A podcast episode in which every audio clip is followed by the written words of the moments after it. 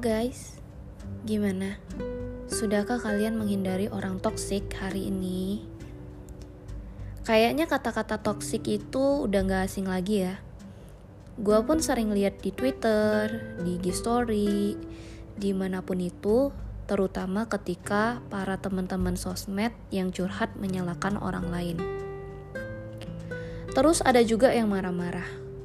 Toksik loh, hubungan kayak gini toksik, pacar gue toksik, dan sebagainya. Judul podcast kali ini adalah See Good in Everything. Oke, okay, gue gak munah. Memang kalau ada yang toksik, kita pasti berasa kesel banget. Tapi sadar gak sih, perasaan kesel itu berasal dari diri kita sendiri.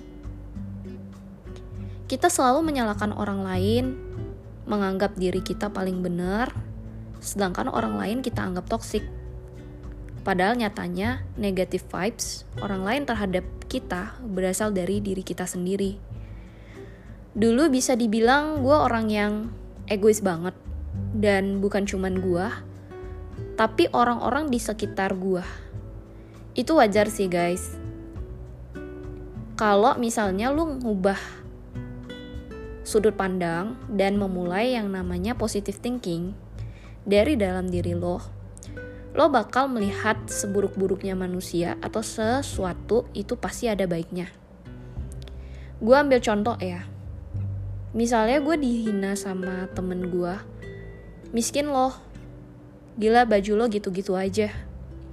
Gue pasti termotivasi gimana caranya gue jadi kaya dan bikin diri gue lebih baik.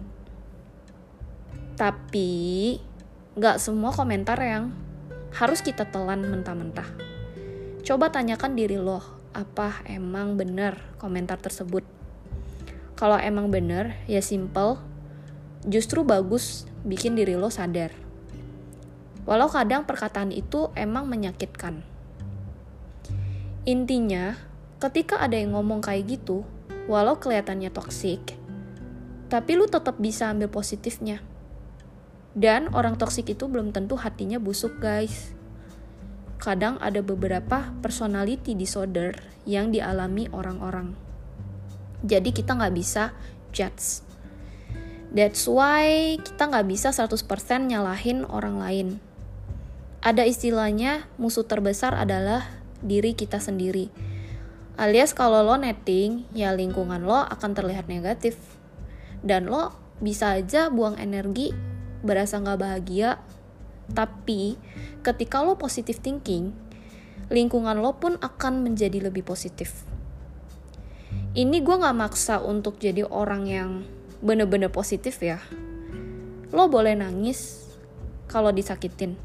Lo boleh kesel tapi jangan sampai melupakan siapa diri lo. Orang toksik nggak bakal ngaruh guys kalau kita punya prinsip yang kuat dalam artian positif sedikit cerita gue memang gue gak punya banyak temen tapi gue sering ketemu bermacam orang. Dan terkadang yang jadi masalah adalah penilaian kita sendiri terhadap orang lain. Padahal belum tentu benar. Podcast kali ini gue ngerasa bijak banget. Dan semakin bertambahnya usia gue semakin sadar beberapa poin yaitu gosip orang lain, buruknya orang lain, judgement orang, itu bukan urusan gue. Gue cuma berfokus pada apa yang berarti buat gue aja. Sederhana banget ya guys.